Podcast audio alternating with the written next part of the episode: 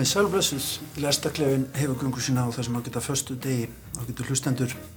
Og eins og venjulega þá tökum við fyrir eitthvað þrent forvitnilegt í heimi menningar, innlendrar og erlendrar. Og þessu sinni eru gesti mínir hér í lestaklefanum þennan förstu daginn Sigriður Tómasdóttir, almannatengill Sigurður Unnar Birgisson, myndlistamæður og Rakel Garðarsdóttir, framleiðandi og ég sendi þau út af, út af örkinni eins og löggerar á ferir til þess að sjá eitthvað forvitnilegt. Við skoðum myndlist, kvikmyndir og ræðum um tónlist í þessum lestaklefa. E, Gesti mínir fóru og sáu norsku kvikmynduna Vesta manneskja í heimi sem til síninga í Bíóparadís.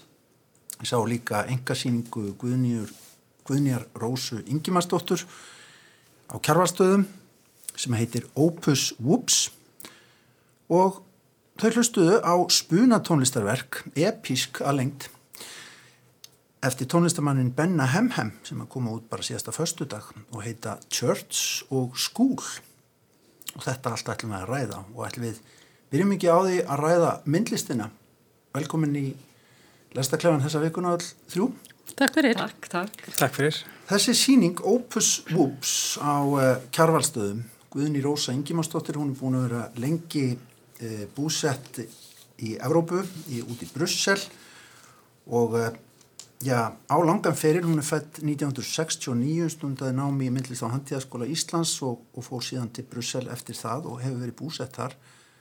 Guðni Rósa er þarna sínd í þessu samhengi sem er eiginlega svona yfirleitt síningar listamanna á miðjum aldrei, svona síningaröð hjá listasafnir í Reykjavíkur á kjarvastöðum og hvernig fannst ykkur að fara, Sýriður, ef ég spyr þið fyrst?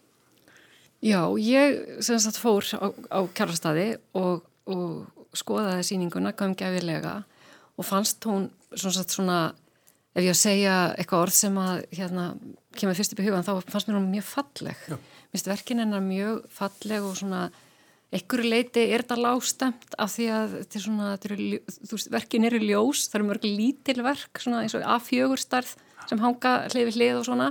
Svo þegar maður fyrir að skoða þau betur þá er alls konar litir, rosalega mörg smáatriði, hún er mikið með eins og hún sé að sauma jafnvel með tvinna eða eitthvað inn í verkum sem geta bæði verið með vastlitum klippimyndir og þess áttar og hún hefur náttúrulega unni líka með texta og það er byrtist það í nokkrum uh, verkum og, og, og, og svo hef ég svona, sá ég og kynnti mér að hún vinnur oft að mörgu í einu og er að nota efni við sem er jafnvel gamal, kannski gummiltagstabrót sem hún klippur og setur inn í ný verk og svona mm -hmm. og það er svona, og mér varst að skila sér vel svona, horfa á þetta þessum er þessu stilt upp í svona yfirleitt síningu maður fær eitthvað svona tilfinningu fyrir því hvað tíminn getur verið fallegur og svona hvað gott að dvelja í fortíðinni, einhverju leiti því hún svona vinnur þetta alltaf með sínar minningar, mm. eða þannig skinnjaði ég það allavega mm. Og setur það í eitthvað nýtt samhengi fekk mig til að hugsa um, ég fór að hugsa um bara ég fór að einmitt að hugsa um bara hvað, þú veist, allir, allir, allir ég eigi eitthvað sem ég kæti unnið með, þú veist, þetta svona fór að vakti það líka ja. með mér, mm. af því hún er eitthvað talum í, mann ekki hvort að síningarskráin eða baklingurinn sem var þarna sem að var samtal við hana að, að hún uh, varðvetti hluti Já. til þess að vinna það oft, oft upp aftur Já. og það er mjög fallegt Það er einhver mikið næmni í þessu, mm. sko það ekki?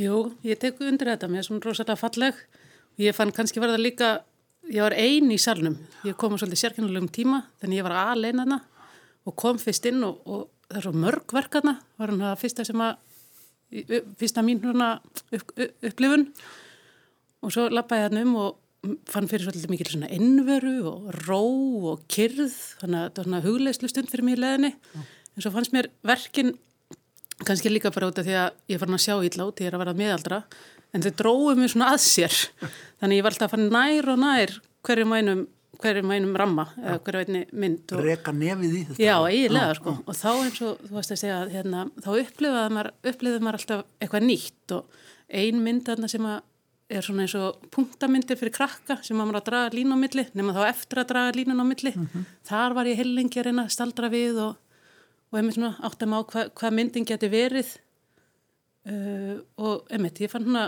svona stund með sjálfur mér með að þetta var ótrúlega notalegt og svolítið eins og ég væri bara í einhverju huglegslu stund. Það lappa hann um er nú allir skoðu áhrif Já, á það var myndlist. rosalega svona, ef maður slettir næs. Og líka þetta er, það er ekkert áreitt af þessu, þetta er allt í svona dempuðum litum og þannig að mitt, mér bara leið rosalega vel hana því ég var að skoða þetta og fannst þetta mitt, það var fallegt og, og rólegt og En ma- rosalega maður sér sko, segurður sko að myndirnar eru, það er nostrað samt við þetta, það er- heilmikið vinna sem maður fer í þetta, ég menn þetta er alls ekki eins og þetta sé bara einhvern veginn sett saman klipp og líma, eitthvað neitt. Reynd ekki. Ég er alveg sammálað þetta svona opnar einhvern veginn svona skinnfærin. Mm. Þegar maður rekur, einmitt, bara rekur nefið nær og fer ofan í myndirnar og sér þetta rosalega fallega handverk. Bara sjá hversu vel hún næra að sauma í pappirinn og líka hversu, bara eins og ég las þarna viðtal við hana í síningarskráni, þú veist, að að svona meðhöndla svona pappir það er alveg rosalega mikil kunst að því maður má ekki snerta hann of mikið þá er hægt að hann beiglist eða verði fytur eða eitthvað svona álíka Brotn í höndunum á manni. brotn í höndarmamanni og einhvern veginn svona verkið bara fjari út. Þannig að eins og stendur í hérna engangs texta síningarinnar að, að hún er einhvern veginn svona svolítið svona uh, nálægt öllum verkonum að finna svona fyrir nærveru hennar. Og ég tengdi alveg stert við það. Og eins sem þú veist að tala um hérna áðan segir með, með tíman og ég byrjaði á það er hérna hljóðverk sem er svona næst eins og frammi þá búið að koma fyrir tveimur stólu þar sem maður getur svona hort út á klambratún þar sem uh, dóttirinnar les hérna enska þýðingu á tímanum á vatnið. Já. Á Og mér- þess að kunna ennsku. á þess að kunna ennsku en er mjög flink að lesa og gerir þetta mjög vel. Og, og mér fannst ég svona skilja það mitt verk bara betur þegar þegar ég á búin að lesa viðtal við hana í, hérna, í síningarskráni um hvernig hún vinnur. að hún er að taka kannski einhverju svona texta gamla, einhverju svona textaglefsu síðan fyrir tíu árum og, og finna, finna þeim stað í, í nýri verkum. Þannig að mér finnst svona það svona sá eiginleiki í hvar, hver er tíma ás verksins? Hann er bara, Lífið allt hann er bara lífað allt og, og hverstagsleikin þetta, er svolítið, svona- þetta er allt svona hverstagslegt sem hún er að vinna með. Allt sem er í, og ég náttúrulega er hrifin af öllu svona að maður nýti hluti betur annað. Ma, maður, upp, maður svona, emitt, upplifir það líka svolítið stert þarna hérna, og hún segir að sjálf í okkur viðtali og hún bara tegið svo oft í eitthvað og ef verkið liggur að lengi hjá henni þá breytur hún því kannski bara áður en að fyrir upp á vegg. Mm. og því að hún vinnur með tvö, þrjú borði í einu og með einhverja nokkra saumavilar og það er allt í gangi hjá henni þannig að það er auðvitað kontrast við vinnustofun hennar með að við hvernig upplifunin er síðan á síningunni það er auðvitað miklu meira kás hjá henni Já. upplifi ég með að Já. við hvernig hún úts, hérna, útskýrir hvernig hún vinnur Svo, ski, svo verður það skipulagt kás í, Já. ver, í verkunum einhvern veginn. Já, Kallast þetta er líka eitthvað á við finnst mér kannski að því hún býr í Belgíu og er greinlega frönskumælandi og það er líka textar á ennsku þarna og svo er hún alltaf íslensk og það er nú verkarna sem að vísa í heimþrá. Þannig að þú veist hún er eitthvað líka leika sér með að vera svona í mörgum heimum og það er pínu kaotist en setur það einmitt rammar það er líka fallega inn í þessa kyrð sem við upplifum. Og ég var einmitt. líka svo heppin að vera einn á síningunni að því að ég var á svona einmitt kannski óhefnundum tíma. Og það má alveg mæla með því einmitt að fara í, í ef fólk hefur sérst, kosta á því að þetta er mjög svona það er góð upplifun að vera á kjárvalstöfum, fallegt hús og til dæmis verkið það með tíman og vatni maður situr niðri og maður situr og setur á þessu heyrnatól og getur hort út um gluggan Út. Þann, þannig að það er svona, þetta er, þetta er góð stund sem hægt er að eiga þarna.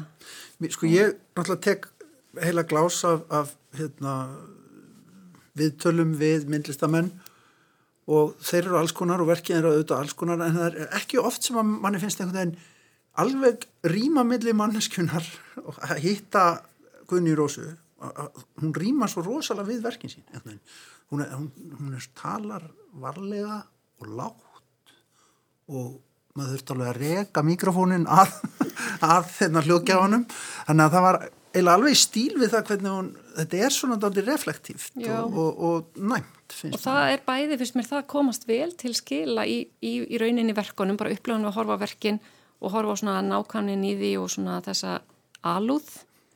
En líka þegar, já því ég las þetta viðtalið mitt líka í hérna síningarskráni líka í því bara hvernig hún talar og, skrif, og er svona skrifað um verkin stundum fær maður á tilfinn stundum svona sem bara leikmaður þá finnst manni, kannski maður ekki alveg skilja hvað fólk er að fara en maður einhvern veginn ég ná góðri tengingu þarna við það. Einmitt. Það voru náttúrulega líka nokkuð verkarna sem að ég hjá eftir sem eru mitt ekki, hún er hérna með svarta sól sem er svolítið drungi og það er hérna borð sem ég hafi gaman af sem er líka svona svolítið drungi. Þannig að þetta er ekki, já en, en á eitthvað svona eins og við erum að hérna, útskýra samt svona þægilegan, notalega hátt og fallegan en það er alveg inn á milli svona, svona myrkri, myrkari verk og svona Já, eitthvað kaltæðni líka Mikil kaldhæðni og- vistu hvað það ekki í, í, leikur sér mikið með orðin Já. Ég Svo var fannst þetta frábær þarna- síning Já, frábær frábær síning. ég er alveg samanlega því Svo var eitt svona verkarna sem var eins og ullu eða eitthvað. sem var eins og líffæri sem, Sem var eitthvað við borðið það var eitthvað svona, það var eitthvað svona grár, grátt verk. Ég man ég stoppaði alveg við það og var eitthvað, wow. Var það ekki líffærin þannig sem Ég upplýði það líka sem já. heklið þannig við Já. borðið. Já, Það var nú kannski á tveimur stöðum, þetta er aðarlega pappir og, og síðan kemur einn og einn og einn svona eins og halgjöru skuldur inn á milli, verið að vinna með gler, fínar gler, pípur og, og hérna, Já, þú- segir pappir þá sko, fannst mér líka svo merkilegt út í að þetta er einmitt eins og hún er að tala um sjálf þetta er náttúrulega alls konar pappir og pappir er ekki bara pappir þannig að það er sko veggfóður og kalkpappir og, og hvað maður kallar bladapappir Já, já. þannig að hún er svo miklar já, örgulega meir og, meir og minna fundið efni og hún er örgulega gríðarlega lager, maður sér fyrir sér ans mikið lager þarna úti á vinnastofunni. og fallegt líka þessar ví- vítrínur eins og það er kallað sem er að vera að raða saman hlutum í boks Einmitt. og setja, stilla þeim saman og þau eru svona lágt, maður þarf að beigja sér niður til þess að skoða þau og svona það lætur mann náttúrulega líka staldra við Já, þú það maður fer að þarf að stoppa og beigja sig og svona Einmitt. skoða Það verður að virka dálítið eins og, eins og einhvers konar náttúrgripasafn eða einhver svona Já. þannig tilfinning um einhver svona vitnisspörður um, um manneski og líf, finnst manni. Já, það er svona eitthvað skrásetningar element Já. í því, Já. já. En svo, svo hægt og rólega byrtist manni mynd af listamannum, ég meina í gegnum setningar af því að setningarnar vísa oft í svona dálítið innra líf. Já, ummitt. Og innsetningarna eins og þetta, eins og, eins við þetta mjúka rýmið á millokkar, the soft space between us, the soft spaces between us, sem er svona setning sem að kemur allavega einu sinni og kannski oftar fyrir í hennar verkum Einmitt. og er bara alveg svakalega falleg og ljóðræn setning. Nú er þú með síningunni á ljósmyndasafni Reykjavíkur um sjötu að kalla og passamyndir af, af sjötu um köllum. Þetta er aldrei, þetta er aldrei annan heimur, þetta er svona þetta pínu kvenlega, fínlega þarna sem er í gangi. Ekki það að þú sett eitthvað upphega kallmennskuna sem slíka, en, en hérna, það er svona þetta fínlega hjá, hjá Gunni Rósu sem að er svona þessi hann það stemming í kringum þessi verk. Já, og bara svo, bara svo opnar mann, bara opnar allan fyrir mér bara eitthvað allt annan heim Já. heldur en að því núna er ég búin að vera að pæla svolítið í, í svona tíma í ljósmyndum og, og vídeo og eitthvað svolítið og fá að fara á svona síningu þar sem er verið að vinna svona mikið í höndunum og þetta samband á milli, milli handar og huga er, er einhvern veginn svona til sínis það er mjög skemmtilegt að fá að, að, fá að kynast því. Svo er eitt við þetta sem við nefndum aðeins áðan, það er fjöldi verkana, þannig að ég heyrði þetta skemmtilega söguð, var maður sem hitti sem sagði mér að hann hafi farið á opnunum á þessari síningu og, og hitt og talað við meðal annars við tvo svona þekta myndlistamenn sem er báðir mjög minimalískir í hugsun. Annar þeirra var mjög hrifin að því að það væri svona mörg verk á síningunni og hins að það er allt og mörg verk á þessari síningu. Tveir minimalistar þar sem voru algjörlega ósamála. En það er, það er, mér finnst þetta aldrei flott, flott að sjá svona þetta, sjá þessa yðju. Og maður fær svo mikla tilfinningu fyrir magninu, sko. Það er svona aldrei sérmjöndi, finnst mér. Já, það koma mjög vel út í þessu rými. Þannig að við mælum með þessu. og mér varst líka svolítið bara svona í framhald af því að allir titla, titlanir á verkunum standa svona til hlýðar við verkin. Já. Þannig að mér fannst það svolítið svona styðja upplifuna við að, að hafa svona mörg verk að titlanir voru bara til hlýðar og svo gæti ég bara farið svona gegnum eða þú veist, horta á ver- verkin á þess endilega að sjá titilinn og fara, fara að spegla sérkvært verk í titlinum. Já, mitt. Já, Það er ekki kannski aðladrið í þessu tilviki. Nei.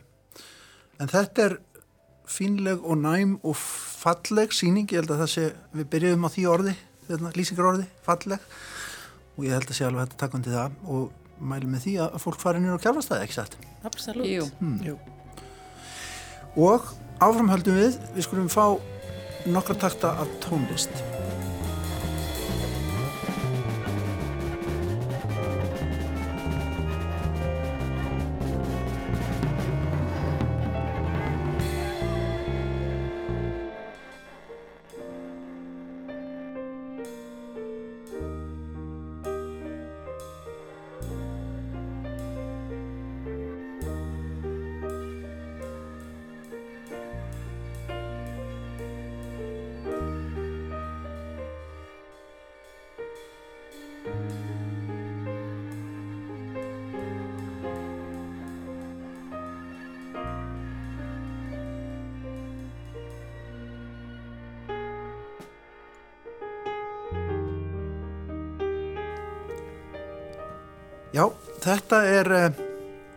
Músik frá uh, Benna Hemhem, Benedikt Hermanni Hermannsinni, tónlistamanni og já, allt múli manni í músikinni.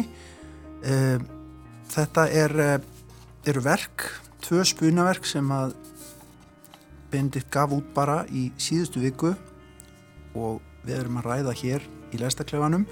Gæsti mínir kannski, má nefna það, eru Sigriði Tómasdóttir, Rakel Garðarsdóttir og Sigurður Unnar Birgisson. Ég baði ykkur um að fara á Spotify og hlusta á, á Benna Hem með svona upp, upp undir hálftíma löng tvö spunaverk sem að heita annars vegar Church og hins vegar Skúl, kirkjan og skólinn og stundum er fólki sett fyrir eitthvað snúið hér í lestaklefanum og við höfum gaman á því.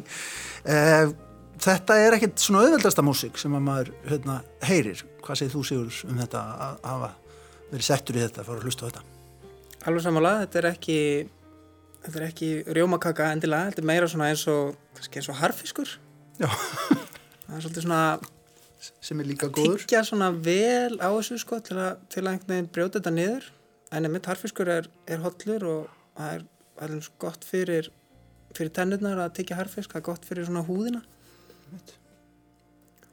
mér fannst þetta að vera já ég var alveg lifði mig alveg talsvert inn í, inn í þetta verk frá, frá Bendikti ég hérna byrjaði bara að hlusta á þess að vita nokkuð spuna, annað en það væri spunaverk. Okay. og fannst svona við fyrstu hlustun eins og, og píanóði væri svona einhvern veginn aðal, aðal leikarin í þessu. Og var að spyrja mig líka meðan ég hlustaði hvernig á ég að hvernig á ég að núna er ég að fara í lestina eftir nokkar daga, hvernig á ég að tala um þetta af því að þú veist, maður er svona þú veist hvernig tala maður um hluti maður setur, maður setur fram kannski einhver svona ákveðna sögu mm -hmm. og kemur þessu einhvern veginn frá sér þannig að og að sé eitthvað svona, svona framvinda Viljum festa orð á hlutina. Viljum festa orð á hlutina og, og bara, ég fór strax að gera það, bara píanóið, það er hérna, það er söguhetjan í þessu verki og svo fór ég svona að lesa mér aðeins svona tilumenda og, og rakst á, á texta frá Benna hérna á bandkamp síðan hans. Og þar kom ljósa að hann spilar öll, hann spilar öll hljóðfarinn í verkinu, ég hef ekki humduð það, ég held kannski að væri fleiri. Og svo sett ég mér nú líka í samband við hann og, og og það sem hann gerði var að hann byrjaði að taka upp píanóið, stænuvegin í kirkju. Og svo og svo tók hann bara upp öll hinn hljóðfærin með svona þennan píanó hluta sem eitthvað svona út, útgangspunkt og eitthvað til að Grunn, hlaða ofana já, já. en mér fannst þetta að vera bara eins og já, bara eins og svakalega svona góð höðlæslega sko. Mm. það reynir á. Já, já. Listin má alveg reyna á. Má reyna á. Hún þarf ekki að vera alltaf eins og segir hérna, ljúfeng rjómaterta. Hmm. Rakel, hvað segir þú? Já, ég hérna hlusta á þetta fyrst á Spotify og svo horfið ég á myndböndin Já. og það var tvent alveg ólíkt fannst mér í upplifun eh, ég kannast aðeins við Benna Hemhem og mér áhugaverk og hann er pressonur og þess vegna fannst mér kirkjan svolítið spennandi mm. og svo er hann uh, tónmæntakennari þannig að þar kemur skólinn og hérna, eitt sónu minn hefur verið, var hjá hann þegar hann var krakki og ég sko tek ofana fyrir Benna að hvað hann er frábær kennari og hann er alltaf að miðla. Og þegar hann var að kenna stráknum mínum tómment þá var hann alltaf að miðla til krakkana, láta þau pröfu eitthvað nýtt og þannig að mér fannst þetta alveg í flútti við það sem ég þekki af Benna Hemhem. sem uppalanda. Já, Já, sem bara svona, þú veist að að prófa eitthvað nýtt og vera ófeimin og fara kannski út fyrir eitthvað, eitthvað bóks en þetta er sko, mér, þetta er ekki áreinslu laust, fannst mér að hlusta á þetta. Það komu nokkri kaplar þarna sem að er svona, eins og Sigur var að segja, svona, hérna, ljúfir píjónotónar akkurat og ég veit og hef lesið að við tölum við Benna að hann er hrifin af Beethoven og Chopin og eitthvað. Þannig að ég tengdi svolítið við það. Og svo kemur bara einmitt þessi hérna, kemur svolítið bara hérna strempið bara trommu, taktur og, og annað. Og, og þá fannst mér bara svolítið gaman að, að gleyma mig bara í að horfa á vídeoið, það gerist í, mikið í flugvél og í skíjónum og eitthvað stort í heimi. Þannig að það var þetta allir norðið bara eins og eitthvað svona, eitthvað hljóðheimur í kringum vídeoverk Já.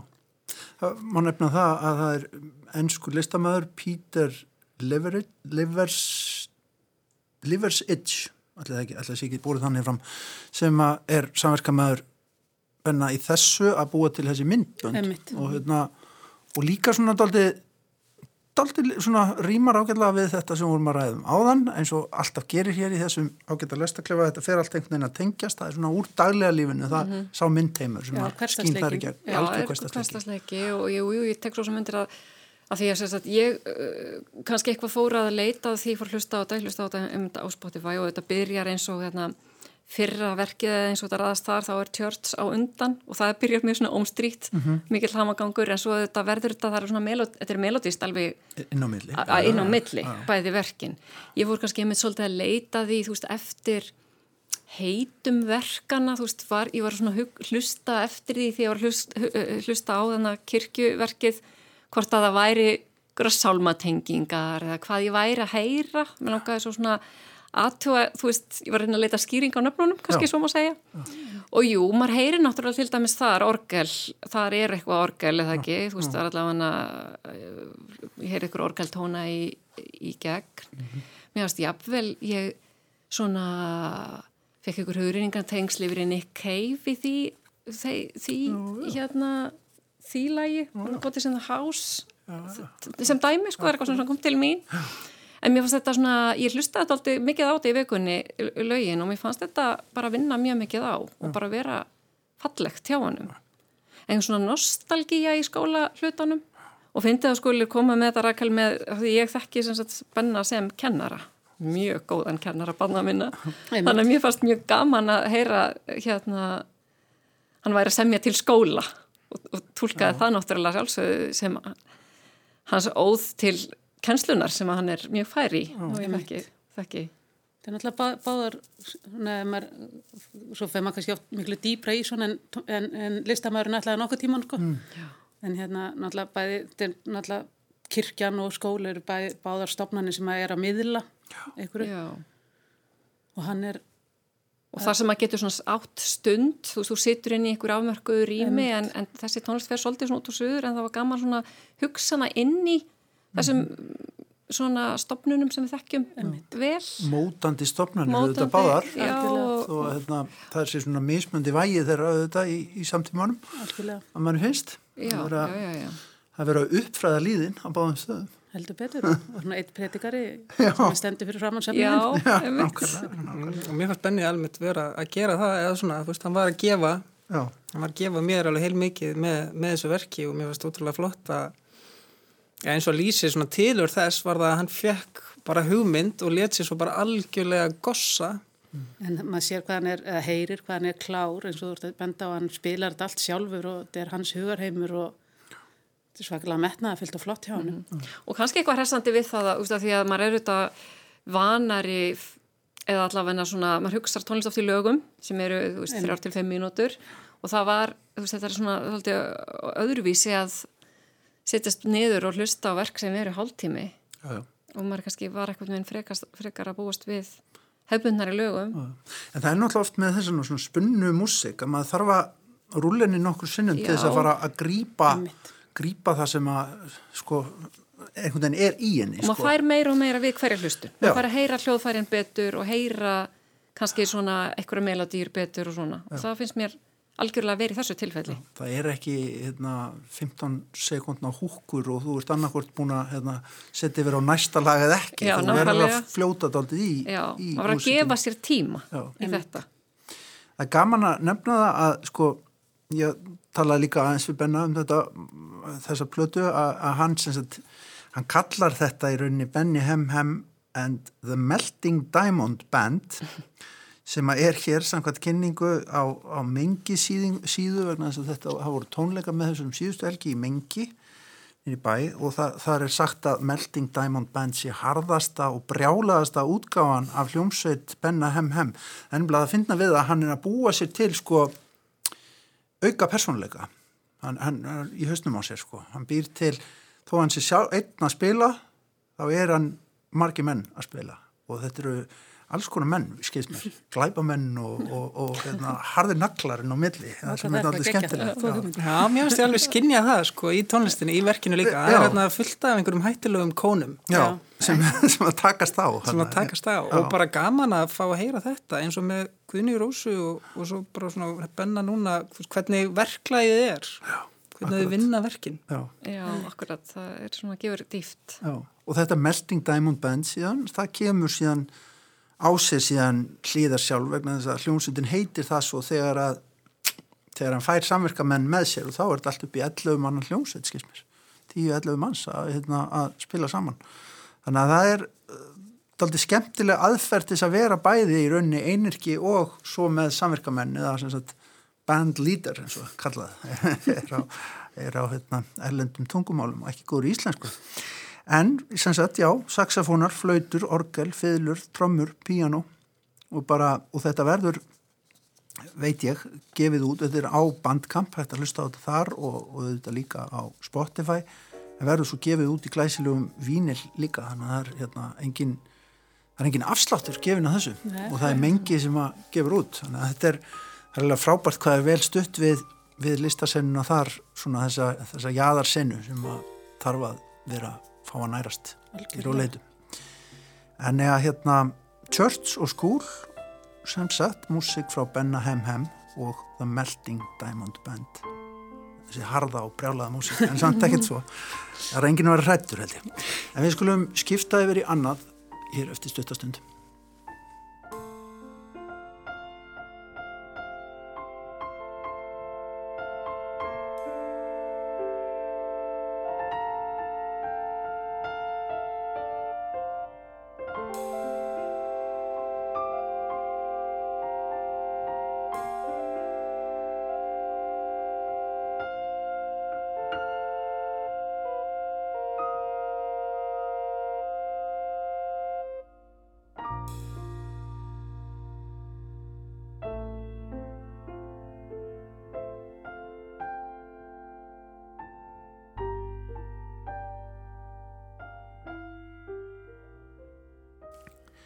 Já, þarna heyrðum við aðeins meira af uh, Benna Hem Hem og músík hans en við ætlum að fá hér smá brot úr stiklu Jeg skal opp her, jeg. Ok, Ok, ha det. ha det. Vi var ikke utro, da. Vi var ikke det. Vi var ikke det. Nei. I said goodbye to me. I looked mirror, then I began to cry. I leave my things behind for all to see and hope that she will understand why. Ending the game is like changing the name of your favorite song. Da, hvis du er glad i meg, hvis du elsker meg, så da fikser vi alt det andre. Ja, jeg elsker deg. Men jeg elsker deg ikke.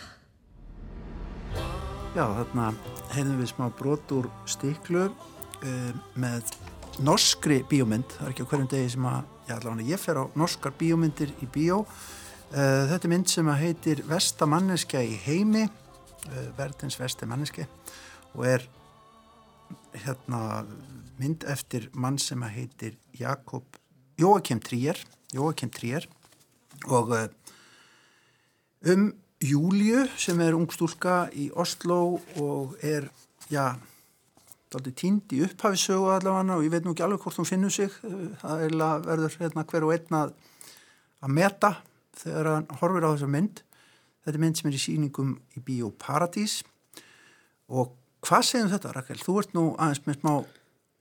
Osloar og, og Norest tengingar. Já, já, ég er fætt í Nóri og, og elska fátt jafn mikið og Oslo og Noreg.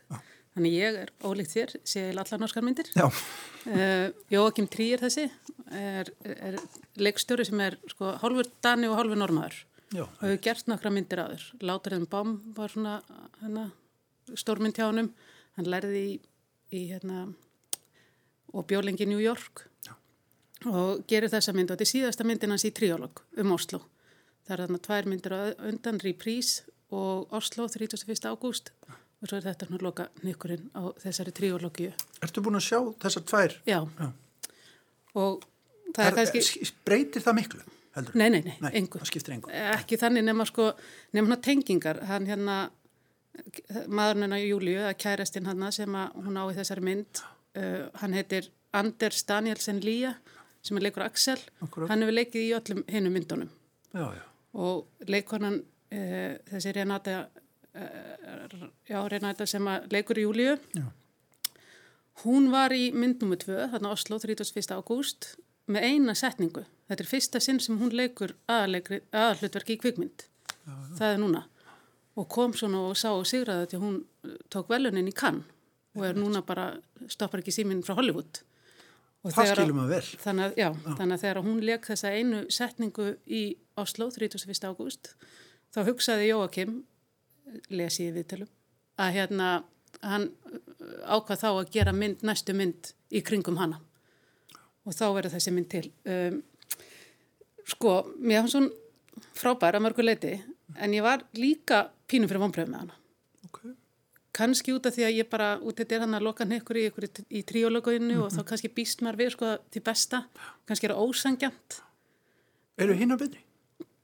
kannski bara, kannski ferskar og maður kannski minna gaggrínin þegar þú ert að koma út með aðra myndina hérna og ert yngri og veit ég hvað nú er búið að byggja rosalegt hæp upp í kringuminu Jókim Tríjar, ég fór á þessa mynd, það er svolítið langt sín ég sá hann í bíó hérna, hún var frumsýnd hérna á Íslandi á Riff, þá sá ég hana og var, ég var með svo miklar eftirvæntingu uh, fyrir henni.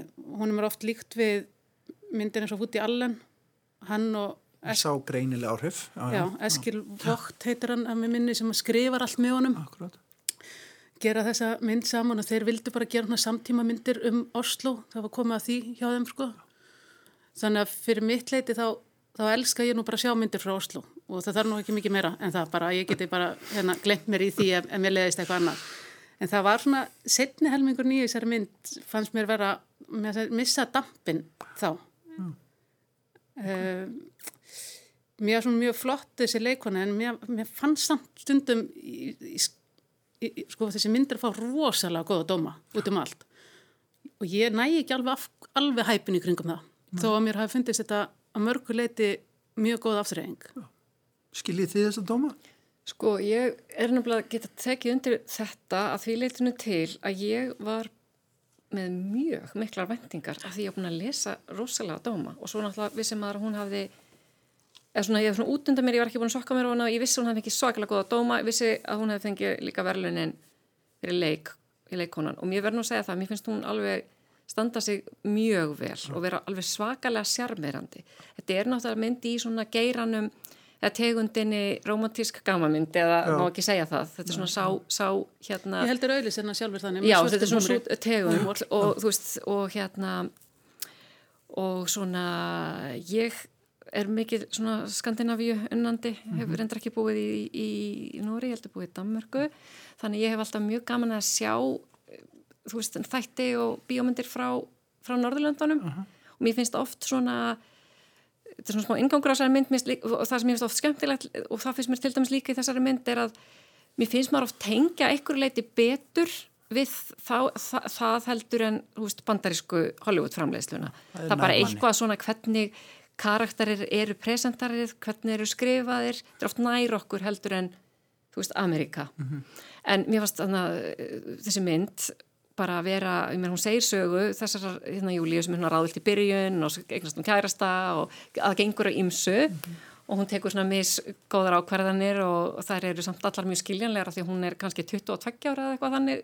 Hún er Maður- þrítug, það ekki? á maður að, ímynda sér hún sé heldur svona upp á þrítug samali sitt hann. já, þannig í lokin. Já, í hún byrjun er, hún enn yngri, byrjun er hún að klára mentaskóla, vantarlega að fara í Já. háskóla og þetta er svona líður áfram en, en hérna, og ég var svona svolítið hrifin á uppbyggingu en það var í köplum en fannst hún einmitt kannski pínu langdregin þegar leið á Þú veist, að- Ég held að kaplandin eru þeim eitt stittri í stundum. Sko. Já, það var svona kannski, þú veist, mér fannst gaman, mér leittist alls ekki, en mér fannst hún pínu langdregin. 12 kaplar og, og svo formál og eftirmáli. Já, Einmitt. en, en ég og sterk út í al, á, allen áhrif, fannst manni. já, já, já, og þú veist, sérstaklega, hún ímsum karakterum, sérstaklega fyrir kærastanum sem er eldri en hún, svona gáfu, vill vera gáfulegur og er oft, talar mikið og hún verður kannski svolítið þreytt á því. En er samt bara búið til barnalega teiknumyndir. sem- Já. En ég meina, mér fannst gaman, Já. ég skemmti mér vel, það var ekki, þú veist, það var ekki það, en kannski svona aðeins undir þeim væntingum sem ég var búin að setja mér Já, með að við bara umfjöllun. emmitt. Hvað segir þú, Sigurður? Svo ég fyrir mitt leiti hafði enga væntingar. Ég vissi ekkert um þessa mynd. Ekki ég heldur nefnilega, ég kom algjörlega blanku. Já, og ég held kannski að það væri einhver hryllingsmynd, bara út frá titlum að dæma. Vesta Besta manneski manneski heimi. heiminni. En mér fannst þetta að vera svona uh, gaman að einhvern veginn að vera í þessum heimi og mér fannst handritið og leikurinn vera alveg til fyrirmyndar og þetta skrifað og leikið einhvern veginn alveg svona rosalega nálægt jörðinni, fannst mér oft, svona alveg svona mikið, mikið svona raunsæja á köplum sem gerði það að verkum að ég átti mjög öðvöld með að setja mig í spór hennar og, og spór þeirra sem hún er með þannig í myndinni og kannski svona hvað gerðist yfir myndina að það einhvern veginn kom svona hún var svona einhvern veginn bara þingri og þingri og þingri áttaði mig á því bara þegar, þegar, þegar henni lauk og ég settist þarna niður frammi og fekk mig vasklas og já, einhver liti ég var ánæði með þetta, mjög skaman að að fara á mynd. Það sem, sem fjallar eiginlega bara um sambönd og samskipti og kannski leitin að haminginni og tilgangi lífsins. Emmitt, og það er enga stóra sprengjur. það er enga sérstaklega stóra sprengjur. En mér fannst það reyndar, það sem ég tók svona með mér var svona hvernig hérna já, hvernig þessu var svona hvernig endanúturinn var einhvern veginn. Hvernig hún svona þú veist hver, eða þess, það sem ég upplýði að væri endirinn á, á hennar vegferð hvernig það var svona sínt í myndinni. Ég að- bjóst alltaf við meira plotti, eða kannski var það óskækja líka. Mér þess endurinn, maður getur náttúrulega ekki að spóila því hérna, en, en ég bjóst við að það væri eitthvað aðeins svona meira, hérna, en þetta er náttúrulega mannleg saga, já, og hún er að leita tilgangi lífsins, stelpan, og, og með, með ákverðunum og veit aldrei, er óörug, veit aldrei hvort hún sé að taka réttar eða rangar ákverðanir, þetta snýst svolítið um það, hérna, og hún er alltaf að spyrja sér líka sjálf bara, af hverju get ég ekki tekið ákverðunar, af hverju get ég ekki orðið fullorðinn, og ég held að þessi titill hérna, vesta manneskja í heimi eigi við um hana en það er sko annar karakter í myndinni samt sem að segir þetta Já, og er, er sagt um. Já, Já, er sagt um hann, þarna, Og maður tekur alltaf eftir því. Mér varst það aldrei merkilegt. Ég Já. Fór að, sko, við fórum að ræða það eftir myndina, ég sagði, tókst eftir hvenar titillin kom fram einmitt. og konum ekki tók ekki eftir því. Þannig að það, er, það er algjörst aukaðrið, það er inn á einhverjum gangi það sem það eru að lappa milli herbyggja. Ég veit ekki hvort það sé nefnilega aukaðatriði. Nei, ég, nei, hún meinar, það sé aðladrið kannski. Já, þetta er síðan hann að, já, svo er náttúrulega svolítið erfitt að tala um þetta þannig að maður sé ekki að spóila því, Já. þegar svo kemur náttúrulega sterkur endir þarna með hann, Já, akkurat. þann karakter sko, að hann vildi ekki eignast bann með Júlíu. Nei. En það sem er merkilegt líka við þessa mynda, hún er skotin á filmu, hún er skotin á 35 mm filmu sem að er mjög sjálfgeft í dag og sérstaklega með skandinaviskar myndir. Já, og hún lítur vel út. Er mér finnst, sko, það eru fallegar og svona góðar senur í þessari mynd sem að einhverju leiti eru raunsæjar, eða hvað maður segja, eins og þegar hún fer í sumambústað með uh, kærastanum sínum sem er alltaf eldri en hún, þannig vinir, og með vinum hans, þannig að hún er yngst. Já. Og hinnir eru svona öðrum stað í lífunu þar að segja að er komin, er með börn og það einhvern veginn hvernig þess- þessi samskipti eru sínt. Já. Mér finnst það mjög vel gert. Og það er bara svona atriði eins og þau eru síðan eitthvað að djamma setna kvöldið eða svona eitthvað kvöldið og eru að dansa. Og það var eitthvað svona í þeirri senu. Þegar þau eru alltaf að dansa ég hugsa að þetta er frábærlega e- gert. Að þetta hljómar eins og þetta sé mjög auðvöld að gera þetta það er það ekkit endilega. Og það var algjörlega eins og maður væri fljóðvegg sko. það var alveg sem maður fljóðaverk og það var eitthvað svo óbáslega mikið, já þetta er svona. Svona er það svona skandinavist partí út í já, sveit. einhvern megin og það voru svona nokkra svona senur sem ég fannst vera eða þú veist, það eru alveg margar í þessari mynd sem eru svona, það er gaman að horfa á svona bíó. Þú ert eitthvað meina, já þetta er svona vel skrifað og rosalega vel leikið.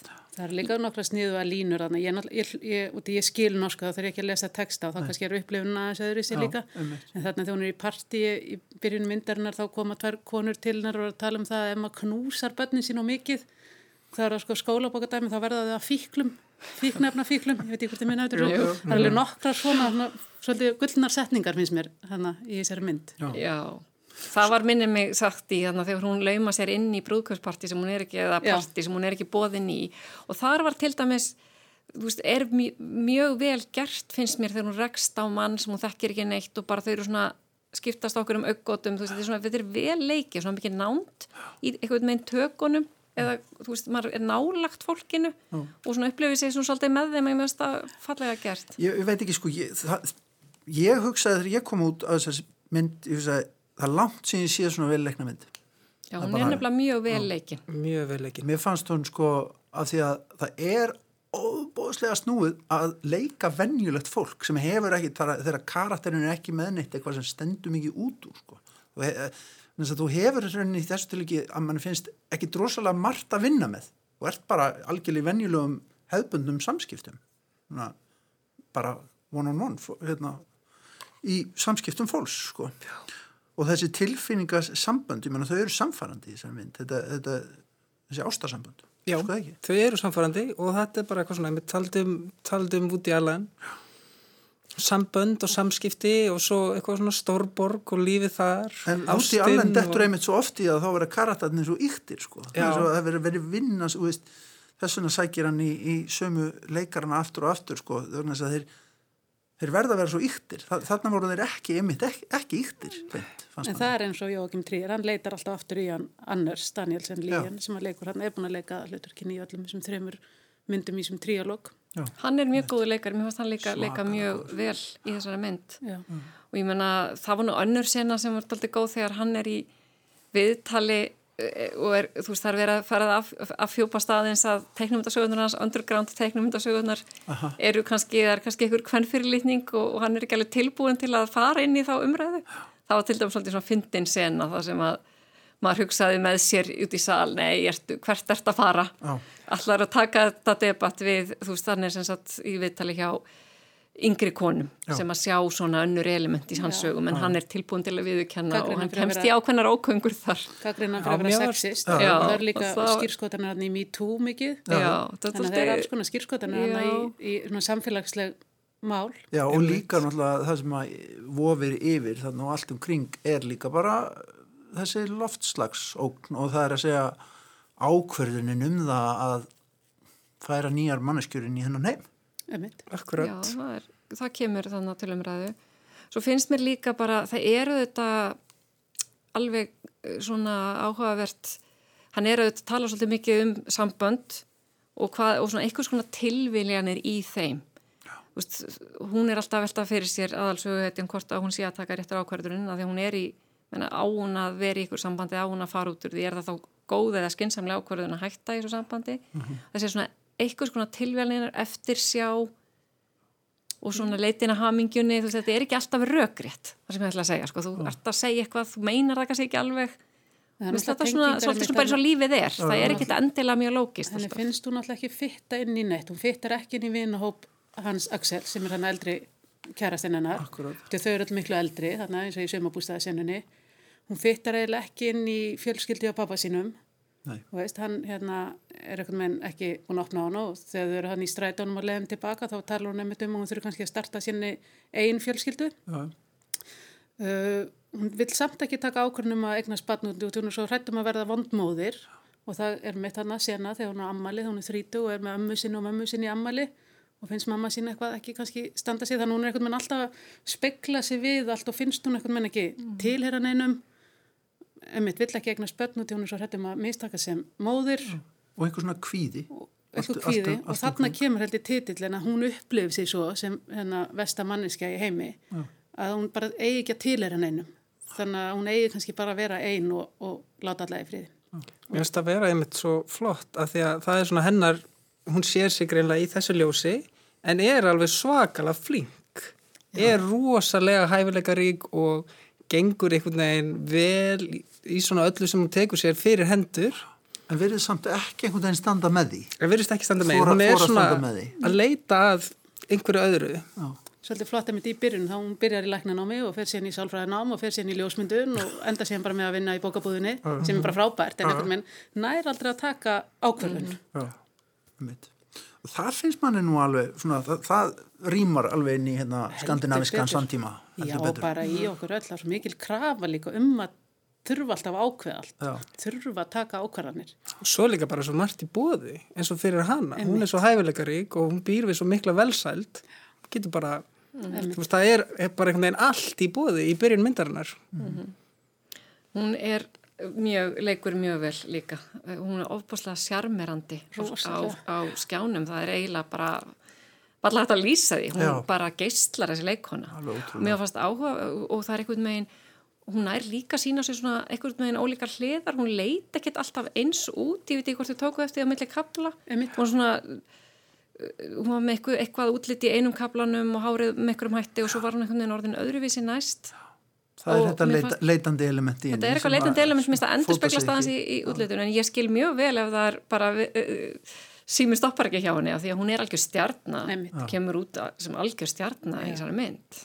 Og það er sko frábært einhvern veginn að, að, að það sé hægt að bjóða upp á svona flottar skandinaviska myndir sem að hljóta að, sko, ég menna, hún er nú framlag að mig skilst til Óskarsvæluna mm -hmm. hjá, hjá Norri og, örgulega bara frekar líkleg með að komast þar inn auðvitað, mm, náttúrulega, það er ekki alveg orðið ljóst. Og eins og ég segja hann Jókim Tríer hefur það er rosalega mikið velgengni í kringum hann. Allar þessar myndir sem hann hefur gert hann hefur gert hann að þess að láta þeim bombs og einn sem heitir Telma svo þessar triológiu það hafa allar verið að vinna til veluna og verið á kann og, og allt þetta sko. Já.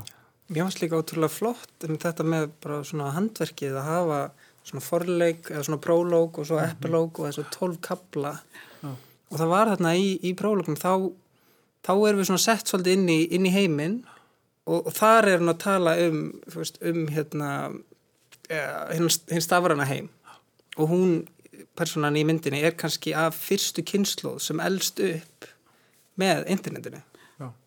og öllu því sem fylgir og hann er kannski smá svona fortíða þrá í því sem ég var ymmit að því ég flettin upp hvað leiksturinn er gamal að hann er svona nær Axel í aldri já, já. og að því að hún er ymmit alltaf í símanum og er svona af þeirri kynnslóð en hann tekur þarna smá ræðu í myndinni Axel allt svo um það hvernig var alast upp með áþreifanlegri menningu. Já. þannig að þú veist að fara á videolegun og náðir í videospólur og Já. áttir plötur í hillunni Já. og bækur upp í hillu. Þetta sem maður elskar þetta sem maður elskar svolítið og ég sagði þannig að þetta sé leikstjórin sem er að tala þetta í gegn? Þetta er, þú veist tengduna aðeins við það. En það er mikið sjálfströst í þessari kvikmyndagerð. Það er einhvern veginn það staðið þetta er, þetta er það er svo vel undibyggt þessi að sita svona vel í daglegu lífi fólks og þetta er laung mynd. Já. mjög laung aðeins of laung hún er 207 fyrir mig. hún er, hún er já, kannski, kannski aðeins of laung, ég veit ekki. Mér finnst þetta rosalega þægilegt sko, þegar tempóð er svona hægt. Já, og ég fær ekki að fara neitt. Ég get bara setið og Mér að þetta bara áður svolítið langdreið þannig í lokin, ég segi já, það. Já. Þú ert hörð, hörð við þennan mann sem þú ert svona, samt svona hrifin af og af fyrir verkum. Já, já, já alveg bara svona, mér finnst þetta bara oft gerast, bæðið með bækur og kvikmyndir og annað, veist, það þarf stundum ekki alltaf að tegja lopan alveg út í hið óhendarlega, þú veist, stundum, ég veit ekki hvað það er, sko, hvað lenska það er, að þurfa eitthvað. Já Þetta fyrir mitt leiti hefði hún ekki þurft að vera svona lang. Nei, hún, ég, mér fannst hún aðeins langdreið líka, sko, ég viðkenni það, en hún var, þetta var samt góð stund og, og þetta er bara, en eitt hérna, uh, Rósi fyrir Bíóparadís sem er með, þú veist, færir okkur mjög skemmtilegar myndir. Æðislegar myndir. Það er að frábært að fara í það bíó. Það er líka bara gaman, fara þarna, sita Já. þarna frammi, svona, meiri svona, það er svona upplifun, Já, það er svona það. kaffús og bara þarna frammi og, Ekki bara pop og kók og Nei. bindin. Nei, Nei. akkurat. Akkurat, maður getur oft stund fyrir og eftir myndina Já. ef sem maður er sko, og ótrúlega kósi og, hérna, Alveg frábært. Og mikilvægt að við hérna, sjáum kvikmyndagerð sem á háu plani frá nágrannlöndum okkar og okkar keri nordiski vennir. heldur betur. Við tökum undir það. Það En Ég held þetta... að við getum alveg öll mælt með þessari mynd. Já, já, Já, alveg, alveg um að gera. Já. Fara á þessa mynd. Algjörlega. Mæli með henni. Þannig að þetta er sem sagt versta manneski heimi til síninga í Bíóparadís í einhverja daga í viðbót og það eru góðar uppsingarinn á bioparadís.is það kannski má benda á það að hún er uh, frá mismunandi sko frá degi til dags hvort hún er með íslenskum texta eða enskum bara þannig að fólk Já. getur séð það inn á, inn á síðunni inni já, á Bíóparadís en sem sagt versta manneski í heimi við erum búin að ræða hana við erum líka búin að vera að tala um myndlistasýninguna eh, Opus Whoops á Kjarvarstöðum, Guðni Rósa Ingimarsdóttir er það með verk sín og svo vorum við að tala um spunatónlistina hans Benna Hem Hem, Church og School. Þetta var uppleikið í uh, lestaklefunum þessa vikuna. Uh, Sigriður Tómasdóttir, Rakel Garðarsdóttir og Sigurður Unnar Birgisson. Takk kærlega fyrir komuna. Sér bara góða helgi. Takk fyrir. Takk. Takk. Góða helgi.